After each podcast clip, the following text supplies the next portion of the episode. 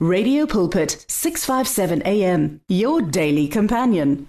Sanibonani sanibonani eh dumelang emakhaya egameni lika Jesu Christu wase Nazareth siyabingelela good evening wonke umuntu olalele egameni lenkosi ethu Jesu Christu wase Nazareth ayisesiya ke emaphethelweni ewinter egameni lika Jesu Christu siyambonga kakhulu uNkulunkulu ukuthi usigcinile wasivikela kwaze kwabala egameni lika Jesu. Kungumusa omkhulu ukuthi siyaphila bazalwane ngoba sometimes kuyenzeka abantu abaningi bamsole uNkulunkulu ngenxa yokuthi abakafiki la abafuna ukufika khona.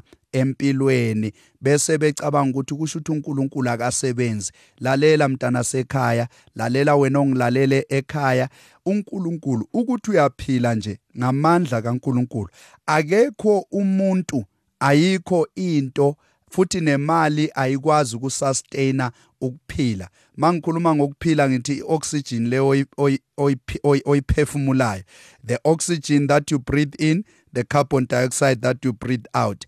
Leyo process leyo icontrolwa nguNkulunkulu kuphela. Akekho umuntu akekho umfundisi ongathi mina kusasa eh ngizoyenza sure ukuthi ngikuedela ioxygen yokuphila. No uNkulunkulu nguyolawula ukuphila. So the the fact ukuthi namhlanje nje wena uyaphefumula uyaphila ungilalele. It's a testimony enough. Ukubonga nje uNkulunkulu ukuthi baba ngibonga ukugcinwa ngibonga impilo. Noma ngingakafiki la engifuna ukufika khona empilweni eh kodwa ngibona ngakhona ukuthi I'm alive egameni lika Jesu Kristu. Yabona ngabe bengisenkonzweni bengizothi thinta umakhelwane wakho umtshela ukuthi I am alive makhe egameni lika Jesu Kristu wase Nazareth and that's what matters ukuthi ngiyaphila. Because my redeemer liveth i shall face tomorrow. Yabona as long as uphila eh mntana sekhaya as long as uphila mntanami as long as uphila mzalwane as long as uphila mama baba as long as uphila muntu omusha ikusasa lakho lisaqhakazekile ikusasa lakho lisangafezeka egameni lika Jesu amaphupho akho wonke asangafezeka egameni lika Jesu uNkulunkulu uyakwazi ukuyiphakamisa ayishintshe impilo yomuntu within a twinkle of an eye. Ulala ukhala namhlanje uvuke kusasa usubusa egameni lika Jesu Kristu waseNazaretha. Khumbula ke uJosefa eBhayibhelini lithi iBhayibheli uJosefa eh ulala ese prison kodwa eh the following day uvuka esebizelwa epalace. Useyobusa nenkosi egameni lika Jesu the governor of the kingdom of Egypt egameni lika Jesu under the jurisdiction kaFaro. Nawe ngizothi kuwe namhlanje ungalala angazuthi ucindezelekile angazuthi isimo sakho asihambi kahle kodwa ngithi mina kusasa uyinkulunkulu uyokukhiphela ekubuseni uyovuka suphethe ukuthi kanjani? Ungangibuzi ngoba uNkulunkulu uyakwazi ukwenza okungenzeki kwenzeke egameni lika Jesu Kristu. That is why lithi iBhayibheli weeping may endure for a night but joy cometh in the morning. Ngamanye amazwi phakathi kobusuku khona i-transition khona izinto ezenzakalayo ezesimoya esingazi understand that is why abanye balala benama promise amakhulu ukuthi kusasa uyosayina ibhizinisi uyosayinela icontract yomsebenzi okanye kunendaba ezinhle. Kodwa nakuvuka ekseni sekushintsha istory sekushintsha umuntu sekushintshe yonke into. Abantu ade ukhuluma nabo izolo kahle bekuthembisile namhlanje sebeyashintsha baguqukile. Kwenzakalani? Phakathi kobusuku khona izinto ezishintshayo la egameni lika Jesu kodwa siyambonga uNkulunkulu ukuthi thina abakuKristu Jesu sinalo ithemba elinjalo ukuthi singalala sikhala kodwa ekseni siyovuka sivuna intokozo. In other words ngalala ngebad news kodwa kusasa ngiyovuka ekseni sekune email ekhuluma ngegood news sekune message ekhuluma ngegood news sekune phone call ekhuluma ngegood news. Khona into enhle ezokwenzeka kuleli viki. Ngizomemezela ngithi good news kuwe nomndeni wakho egameni lika Jesu asingene ke endabeni yethu kafishane egameni lika Jesu namhlanje sizofunda kuExodus Exodus chapter 14 sizoyiqala la kuverse 10 sehle nayo siyoma nje kuverse 15 nawe sungazifundela nje uchapter 14 wonke. Okanye incwadi yonke kaExodus ngoba kubalulekile bazalwane ukuthi sifane nebandla laseBeria ngesikhathi sabompostoli uPaul naboPetro lithi iBhayibheli labayana abazalwane bebelihlola izwi bebeyihlola imibhalo. Uma umuntu eseshumayelile bebephindele emuva emakhaya bafike bavule iBhayibheli bahlole ukuthi lento kade ifundiswa ngulo muntu kaNkuluNkulu. Ngabe ikhona yini ezwini? Ngabe iyawenza yini umahluko empilweni zethu in terms of contextual sense egameni lika Jesu ngoba khona bavula amabhayibhili bavule namavesi ngeinhloso zabo ezingasona inhloso kaNkuluNkulu egameni lika Jesu angazi waye umoya ingcwele athi ngidlule lapho kodwa sengiyadlula egameni lika Jesu egameni elinamandla. God bless you. Now Exodus chapter 14 verse uh, eh, 10 to 15 lithi iBhayibheli kwathi lapho uFaro esesonde esesondela abantu bakaIsrayeli baphakamisa amehlo abo bababona abaseGibhite bebalandela besaba kakhulu abantu bakwaIsrayeli. Base bekhala kuJehova usimakade. Bathi kuMosi yingoba ebengekho yini amangcwaba eGibhite ukuba usikhiphele kuleli hlani sizofela khona na? Yini le osenze yona ngokusikhipha eGibhite na? Asishongo yini kuwe siseseGibhite sathi? Siyeke ukuze sisebenzele abaseGibhite ngokuba bekungcono ukusebenzela abaseGibhite kunokuba sizofela ehlane. Verse 13 kepha uMosi wathi kubantu hayibo ningesabi qinani nibone ukukhululwa usimakade azonenzela khona namuhla. Ngokuba laba abaseGibhite enibabona namuhla anisayi kuphinde nibabone naphakade. Usimakade uzonilwela nina thulani du verse 15 usimakade wathi kuMose ukhalelani kimi na? Khuluma kubantu bakwaIsrayeli ukuthi mabahambe. Wena phakamisa induku yakho welulele isandla sakho phezukolwandle uluhlukanise. Yikhona abantu bakaIsrayeli bezodabula ulwandle bahambe emhlabathini omileyo. Izwi likaNkuluNkulu leli bazalwane egameni lika Jesu Kristu waseNazaretha. Now lithi ke iBhayibheli la isifunde khona isikhathi uNkulunkulu ethumele uMose umthumela kuphi na? Umthumela eGibhite kuFaro inkosi eyayinonya ngendlela emangalisayo. uFaro wayenenhliziyo embi kanti leyo nhliziyo njengoba imbi kanje yayenziwe nguNkulunkulu uthi uNkulunkulu ngizoyigoba inhliziyo kaFaro ibe lukhuni kuze ngizambule ngizibonakalise kuFaro ngingumnini mandla wonke kuze azokwazi uFaro ukuthi mina ngingusimakade futhi nginguNkulunkulu wenu. Now lithi iBhayibheli usuyabona ke ukuthi eh uNkulunkulu uyakwazi ukuthi agobe isitha sakho sikuhlukumeze. uNkulunkulu uyakwazi ukuthi avuse abantu abazomelana nawe abazoba nenhliziyo elukhuni abazoba nenhliziyo embi abazokudlela umona abazokuhlukumeza abazokuphazamisa emoyeni. Hayi ngoba uNkulunkulu ufuna ukuhlekisa ngawe. Hayi ngoba uNkulunkulu ufuna ukuthi impilo yakho ibe njalo ibe buhlungu.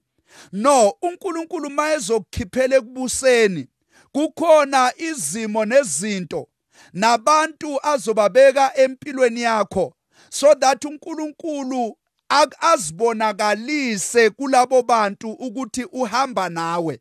Kuze uNkulunkulu azibonakalise kulabo bantu ukuthi yena unguJehova wempilo yakho. Yebo ngiyakuzwa uthi mfundisi lesimo engidlula kuso lezimpi engibhekane nazo hayi mfundisi sezithanda ukuba nzima kakhulu empilweni yami.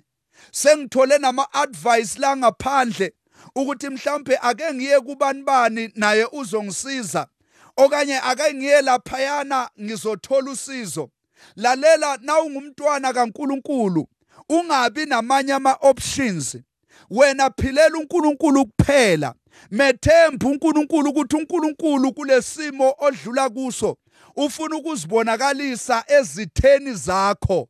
Ngamanye amazwi mawuzoya ngaphandle uyofuna usizo uyeke uNkulunkulu ongumqali nomphelelisi wokuphila nokukholwa kwakho.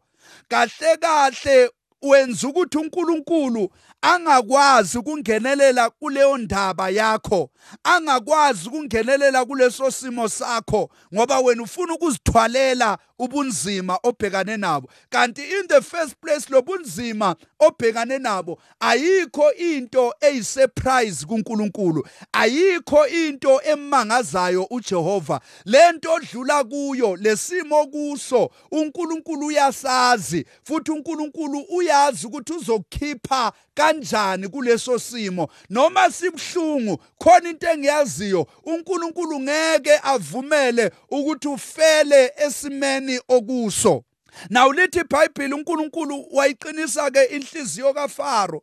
UFaro bathi abantwana bakaIsrayeli sebephumile ebugqilini uNkulunkulu esebakhiphile besendleleni sebebheke empumelelweni yabo. sebebheke kudestiny yabo ngoba uNkulunkulu njengoba ebakhipha eEgypt eGibhite waye inhloso yakhe wayesebalungisele indawo eKenani wayibiza ngezwe loju nobisi. Now lithi iBhayibheli besasendleleni ungathi ngiyabona sebenethezekile ukuthi uNkulunkulu sesikhiphile obishini uNkulunkulu sesikhiphile einkingeni uNkulunkulu sesikhiphile eikolodini uNkulunkulu sesikhiphile ezitheni zethu uNkulunkulu sesikhiphile kubahluphi bethu abantu kade besihlukumeza abantu kade besenza igqila zabo iminyaka for over 400 years abantwana bakaIsrayeli bayigqila ngaphansi kwesandla sikaFaro uFaro basebenzela uFaro yibona aba gubha igolide yibona abakha izindlu kodwa abahlali kuzo. Lelo golide abalazi kwabona ukuliphatha. Ngamanye amazwi basebenzela abanye abantu. Namhlanje ngizomemezela ngizothi umoya wokusebenzela enye indoda umoya wokusebenzela omunye umuntu ozokusebenzisa njengesigqila ozokuphatha njengesigqila angakunikezi lokho okuyimfanelo kuwe ngizothi kuwe namhlanje that season that time is over. Wena uzophakama uNkulunkulu uzokuthwala uzohola akuse ezweni. Loju nobisi uNkulunkulu sekukhona indawo akulungiselele yona indawo ye yoju nobisi indawo yobukhazikhazi ukuhlupheka kuphelile ukudonsa nzima kuphelile ukungabi nalutho kuphelile ukuba ngaphansi kwencindezo kuphelile. Wena uzophuma la bakucindezele khona egameni lika Jesu Kristo waseNazaretha. Now lithi iBhayibheli besasendleleni kunjalo. uFaro uNkulunkulu wamvakashela. Lithi iBhayibheli wenza inhliziyo kaFaro yabalukhuni uFaro masishane waphakama wabiza waqoqa insizwa ibutho lakhe lonke. Wathi asambeni sibalandele abantwana bakaIsrayeli. Sibakhulule kanjani? Asibabuyisele emuva. La bebhilonga khona. In other words uma ngabe bephuma laba sesiyosetshenzelwa ngubani? Sesiyofakelwa ngubani thina imali? Sesiyokwenzelwa ngubani thina imali? Sesiyothuthuka kanjani ngoba labantu yibona ukusebenza kwabo kade kusenza sibe yilokho esiyikho namhlanje noma bona besingakwazi kubabonga ngendlela okufanele sibabonge ngayo ngoba besibaphathise okweyigqila. Now lithi iBhayibheli uFaro waphuma isibhudukani nempi yonke belandela uIsrayeli. Hayi bazalwane ake ngikhulume nabantu namhlanje. Ungalingi unethezeke kule ndlela yokukholwa ngoba nakho sowuphumile ezikolodini ngoba nakho sewutholile umsebenzi ngoba nakho sewuyithengile imoto kade uyifuna ngoba nakho sewuyakhile lendlu kade uyikhalela. Ngoba nakho usuyithengile lendlu kade uyifuna. Ngoba nakho izinto ziyenzeka la empilweni yakho sewusidla kamnandi usukhomba ngophakathi uphakathi komhlane nempeleko ayisekho into ebhlungu kuwe. Usubheka endleleni yempumelelo na umoya wempumelelo uyawuzwa kuwe uyavunguza bese ukhohlwa ukuthi isitha siyalandela. Ngizothi namhlanje ungakhohlwa.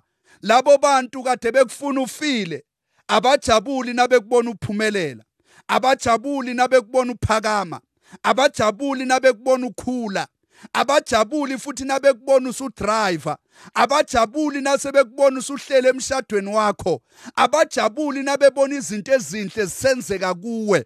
Kunalento ethi kubo asimlandeleni. Uyaphumelela musilomuntu asimbuyiseleni back kulesiya simo kade yiso izolo. Kunabantu engizokhuluma nabo namhlanje. Ngizothi mina wawuthandaza wena. Ngizothi kuwe wawuhlanganyela nabanye abazalwane wena. Ngizothi kuwe wawungumuntu kaNkuluNkulu wena. Wawuvuka ebusuku uthandaze. Wena wawunikela wena. Wawungasingumuntu ogodlayo nomnikelo kodwa sunethezeke kakhulu ngoba izinto sezihamba kahle. Abantwana bakho sebeyasebenza bayakuthumelela imali. Awusasiboni isidingo sokuthi uhambe noJehova endleleni sewukhohliwe.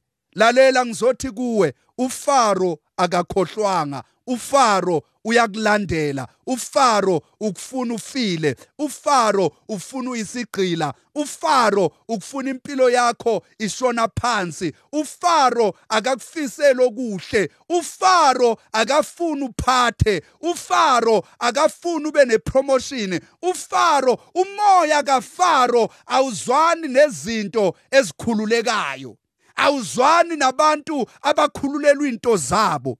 Ngizokhuthaza umuntu namhlanje ngizothi kuwe uNkulunkulu uzokufaka ezweni lesithembiso kodwa ungakhohlwa ukuthi uFaro uyeza. Ungakhohlwa ukuthi sitha asilalanga. Ungakhohlwa ukuthi izitha zakho njengoba wazinqoba njengoba waliwina leliyacala kukhona amasu abakukhandela wona kumanje. Wena wazi kodwa kukhona impi esendleleni ilandela wena egameni lika Jesu ngiyawukhalimela lo moya.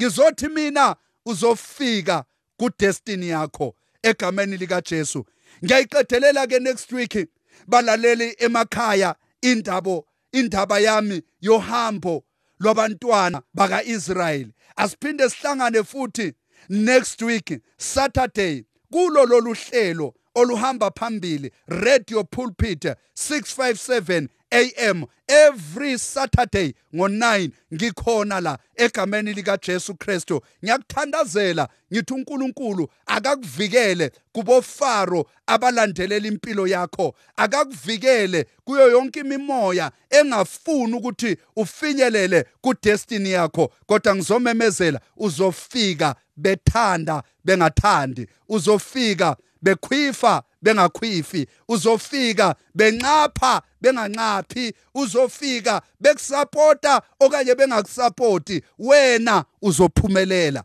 ngegama lika Jesu Kristo waseNazaretha God bless you The words of the Lord are words of life. Your heart is on 657 AM. 657 AM. Radio for believers in action.